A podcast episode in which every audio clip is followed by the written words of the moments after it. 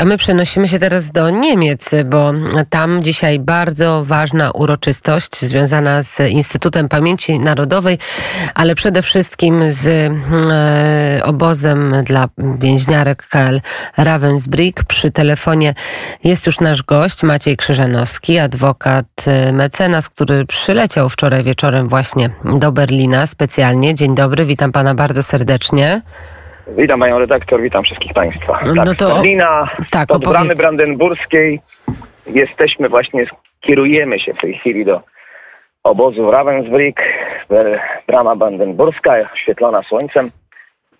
Jeszcze to nie, nie wiadomo jak długo będzie oświetlana promieniami, no bo Niemcy wprowadzają plan oszczędnościowy, ale wczoraj brama brandenburska jeszcze pięknie oświetlona lampami. Teraz słońce, jedziemy do obozu Ravensbrück to jest kilkadziesiąt kilometrów na północ od Berlina, gdzie dzisiaj odbędzie się uroczysty pogrzeb, państwowy pogrzeb 45 rozstrzelanych Polek w 1942 roku, które dopiero od dwa, niedawno zostały zidentyfikowane. 45 e, to był grup prowadzony, e, odkryty przez badaczy, badaczy z Instytutu Pamięci Narodowej pod przewodnictwem mm, profesora Szwagrzyka.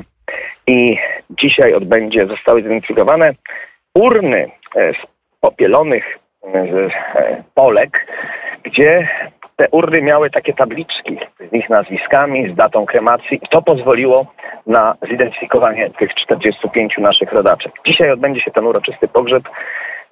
Od godziny 12 będzie msza uroczysta pod przewodnictwem e, e, jego ekscelencji księdza arcybiskupa Andrzeja Dzięgi, metropolity szczecińsko-kamińskiego, a później uroczysty pogrzeb z udziałem dwóch więźniarek jeszcze ocalałych, pani Piotrowskiej z Warszawy i doktor Wandy Półtawskiej, która pomimo swoich stu, blisko 101 lat postanowiła pożegnać swoje koleżanki z obozu, w którym spędziła ponad 4 lata w tym niemieckim potwornym piekle. Wiemy, że obóz w Ravensbrück położony był około 80 kilometrów od Berlina. Otwarto go w roku 1939. Jak możemy przeczytać, przeszło przez niego około 100-120 tysięcy kobiet i dzieci oraz około 20 tysięcy mężczyzn. Wiemy, że tą najliczniejszą grupę wśród więźniarek, około 40 tysięczną, stanowiły Polki. To na nich wykonywano zbiorowe egzekucje, te pseudonaukowe eksperymenty. Dzisiaj ten istotny i ważny e, dzień. Czy pani Wanda Półtawska już jest na miejscu, czy dojedzie dopiero? Pani doktor Wanda Półtawska wczoraj wyjechała z Krakowa mm, e, i na pewno dzisiaj rozmawiałem wczoraj wieczorem, była w Poznaniu. Dzisiaj powinna już tutaj mm, koło godziny, koło godziny 12 dojechać do, do Ravensbrück. E, My natomiast jako Stowarzyszenie Mecedat Akademia wspólnie ze Stowarzyszeniem e, Rodzin Ravensbrück z panią profesor Elżbietą Kutą, która zorganizowała tą krakowską grupę, ale grup będzie kilka z Polski, e, ten wyjazd jest zorganizowany po to, aby zwłaszcza aby zabrać ze sobą te rodziny, które, które doczekały się pochówku swoich babci, swoich matek, a także aby młodzież, aby młodzież pojechała i zobaczyła na własne oczy, aby przeżyła no, swoistą lekcję historii. Ja wpadłem na pomysł jeszcze mm, dwa dni temu, aby ci młodzi licealiści spod Tarnowa odwiedzili panią doktor Wandę Półtawską i tak się właśnie stało. W niedzielne popołudnie byli u niej, przeszło godzinę, rozmawiali, a właściwie słuchali niebywałej lekcji historii, jak później powiedzieli, lekcji takiej, której jeszcze w swoim szkolnym życiu nie mieli. Myślę, że takich lekcji powinno być jak najwięcej, aby pamięć, aby prawda jednak była drogowskazem dla tego młodego pokolenia. Tak to powinno wyglądać. Tak oni zresztą to powiedzieli. Ci młodzi ludzie oszołomieni wizytą damy Orderu Orła Białego u honorowej obywatelki miasta Krakowa, pomimo takiego wieku, pomimo takich przeżyć, ta kobieta jest niezwykle dzielna, pani doktor Wanda, niezwykle silna i powiedziała, że Pan Bóg chyba trzyma ją jeszcze właśnie po to, aby te koleżanki mogła pożegnać i powiedziała, że nie wyobraża sobie, że tam nie będzie obecna. Także mm, ona jeszcze jedną ważną rzecz y, powiedziała im, przekazała, wręczyła książki, ale wręczyła również taki, taki który testament kobiet z Ravensbrück, ładnie podpisany przez nią, który mógł, że pozwoliłbym teraz zacytować. To, były, to był tak zwany manifest Neubrandenburga, napisany przez grupę kobiet wiosną 1944 roku w ciemnościach obozu Neubrandenburg. Wyrażamy życzenie, aby nasze dzieci chciały uznać wolną egzystencję istot ludzkich za najwyższą wartość. Prawo do życia, prawo do godności osobistej i prawo do wolności nigdy więcej nie można naruszać. Koegzystencji narodów, równość społeczna i sprawiedliwość muszą zastąpić wszelkie dążenia do dominacji. To napisały, to napisały kobiety w Ravensbrück. To był zawsze przez lata, przez całe życie pani doktor, jej drogowskaz. Ona to głosiła na każdym kroku i myślę, że dla tego młodego pokolenia to powinien być właśnie drogowskaz. Dobrze, że ci młodzi ludzie tutaj dzisiaj będą. Z innych miejsc Polski także sporo, sporo młodzieży.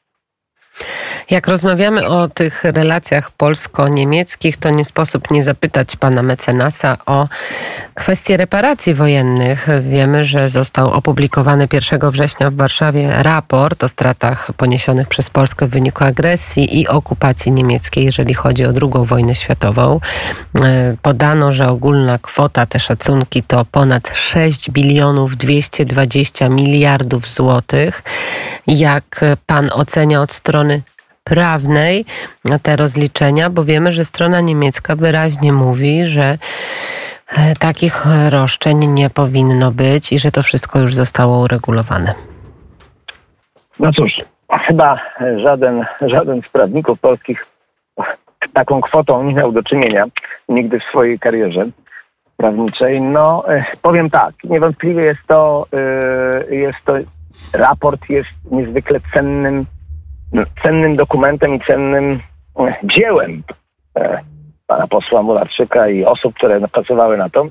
Kwota jest niesamowita, kwota jest ogromna. Kwota jest oczywiście szacunkowa, ale jeżeli chodzi o skuteczność ewentualnie dochodzenia tych roszczeń, no jest to temat dla niewątpliwie specjalistów prawa międzynarodowego, gdyż nie, jakby jedna kwestia, kwestia moralna, moralnej odpowiedzialności jest bezdyskusyjna. Natomiast kwestia odpowiedzialności prawnej, to jak to w prawie bywa, jak to bywa w sądzie, mm, bywa bardzo różnie. Czasem nawet, czy, oczywiście słyszę te głosy, które sceptyków, którzy a, po jednej stronie, no niestety zrobił się to oczywiście temat polityczny, choć uważam, że tematem politycznym w żadnym razie ta kwestia nie powinna być. Tutaj wszyscy Polacy, cały jako naród, jako państwo powinniśmy stać jednym, jedno ramię w ramię i tych roszczeń stanowczo się domagać. No ale oczywiście prawo jest nie zawsze e, połączone z moralnością. Moralność a prawo to nie zawsze byty, które są, e, zachodzą na siebie.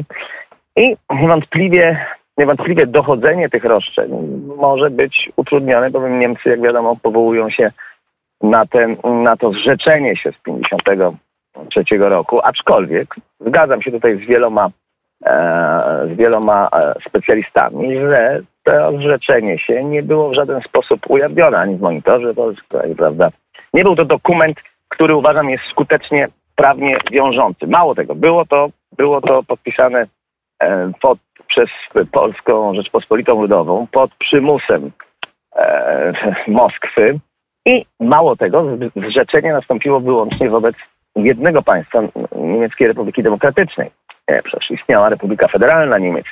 I tutaj ta kwestia jest no, wysoce mm, dyskusyjna, dlatego mm, no, uważam, że trzeba walczyć. Trzeba walczyć, ale musimy walczyć jako wspólnie, jako państwo. Nie. Natomiast te dyskusje, które się odbywają w tej chwili, no nasze szanse w tym momencie os osłabiają. Ale powiem tak, stara adwokacka, stare adwokackie porzekadło głosi, nawet najprostsze sprawy można wygrać i można się tego nie spodziewać, a najtrudniejsze można, e, przepraszam, najłatwiejsze sprawy można e, przegrać w sposób bezdyskusyjny, a najtrudniejsze wygrać. I myślę, że musimy tą drogą iść do zwycięstwa i domagać się stanowczo od Niemców przynajmniej y, no, części trzeba usiąść do stołu i na pewno myślę, że taką drogę należy objąć. Na pewno taka droga będzie, bo wiemy, że kolejny krok to publikacja raportu w wersji niemieckiej, przekazanie go wszystkim istotnym interesariuszom, czyli niemieckim politykom, a później pojawienie się tego raportu w niemieckiej przestrzeni publicznej, że bardzo istotny jest ten walor edukacyjny, o którym też pan mecenas mówił w kontekście wizyty u pani doktor Bułtawskiej Polskiej Młodzieży, ale też ważne stwierdzenie, które padło, że strona polska dysponuje pewnymi argumentami czy środkami nacisku, które mogłyby wpłynąć na stanowisko Niemców, ale nie będzie e, ich ujawniał, mówię o wiceszefie MSZ-u e, Szymonie Szynkowskim w Elsenku, bo to byłoby niezgodne ze sztuką. Czyli jeszcze wszystko przed nami, panie mecenasie.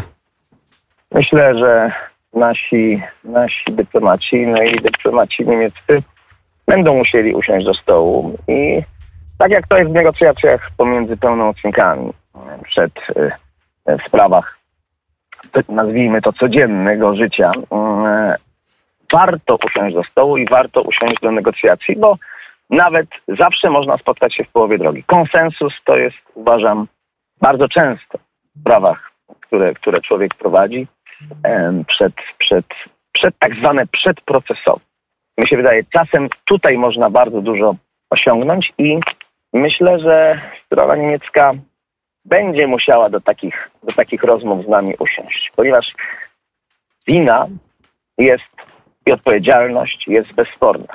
Dzisiaj obecność tych dwóch więźniarek, doktor Wandy Połtawskiej, która jest symbolem tego niemieckiego piekła urządzonego e, nam i nie tylko nam na ziemi przed 80 laty jest bezsporna. I Niemcy muszą się z tego wywiązać. Prawda i odpowiedzialność, ale i zadośćuczynienie. Mówili o tym również nawet w kontekście, powiedziałbym, teologicznym kilka dni temu polscy biskupi. Takie jest stanowisko też episkopa. Bardzo dziękuję za ten głos. Maciej Krzyżanowski, który właśnie zbierza, zmierza na uroczystości w obozie Ravensbrück. Bardzo dziękuję i do usłyszenia. Dziękuję bardzo. Do usłyszenia.